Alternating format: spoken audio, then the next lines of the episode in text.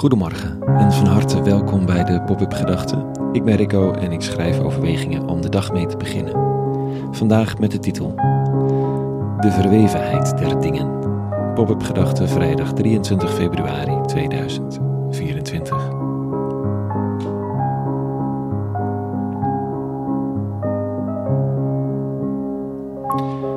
Soms zou je graag de geschiedenis terugdraaien, de wereld omkeren, even de tijd in omgekeerde volgorde aflopen. Om te herstellen waar je eerder de mist in ging. Om nog te zeggen wat je eerder had willen zeggen. Om ongedaan te maken waar je wegen van elkaar werden gescheiden. Maar intussen gaat er tijd overheen en worden er nieuwe lessen geleerd en het patroon verder geweven.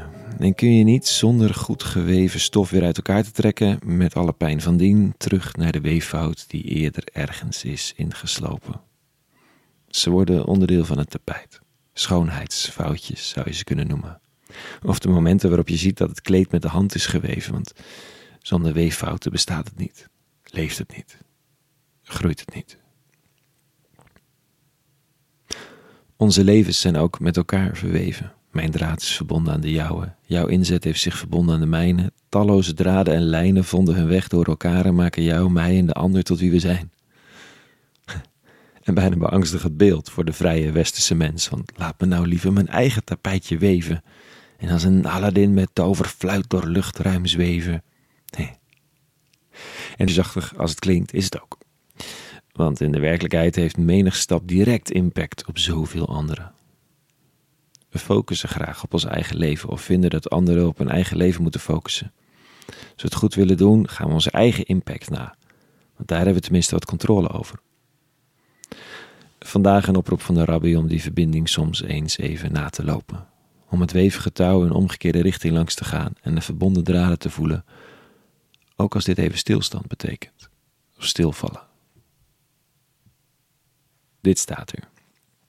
Als u uw gave komt brengen naar het altaar, en daar schiet u te binnen dat uw broeder iets tegen u heeft, laat dan uw gave voor het altaar achter en ga u eerst met uw broeder verzoenen en kom dan terug om uw gave aan te bieden.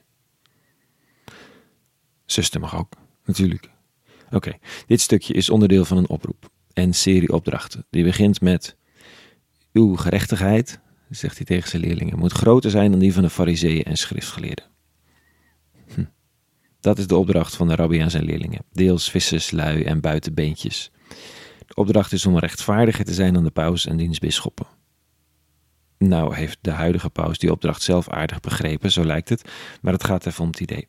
Het zijn gewone vissers. Ze hebben niet de briljante analyse van de exacte betekenis van de teksten, noch de toewijding die hoort bij het religieuze gewaad. Ze hebben de naam van een nogal vrijgevochten groepje te zijn, dat het niet zo nauw neemt met de religieuze gebruiken van toen als de sabbat, heilige en vasten. En hun rabbi zegt: rechtvaardiger moet je zijn dan die verheven geleerden in monnikspij. Want als wij als cynische postreligieuzen dat horen, vinden we dat niet eens zo gek. Want de karikatuur van de priesters is dat ze toch de kat in het donker knijpen. Maar daar gaat het niet om vandaag. Jezus zegt, echte gerechtigheid zit niet in het offer. In het kleed dat jij weeft.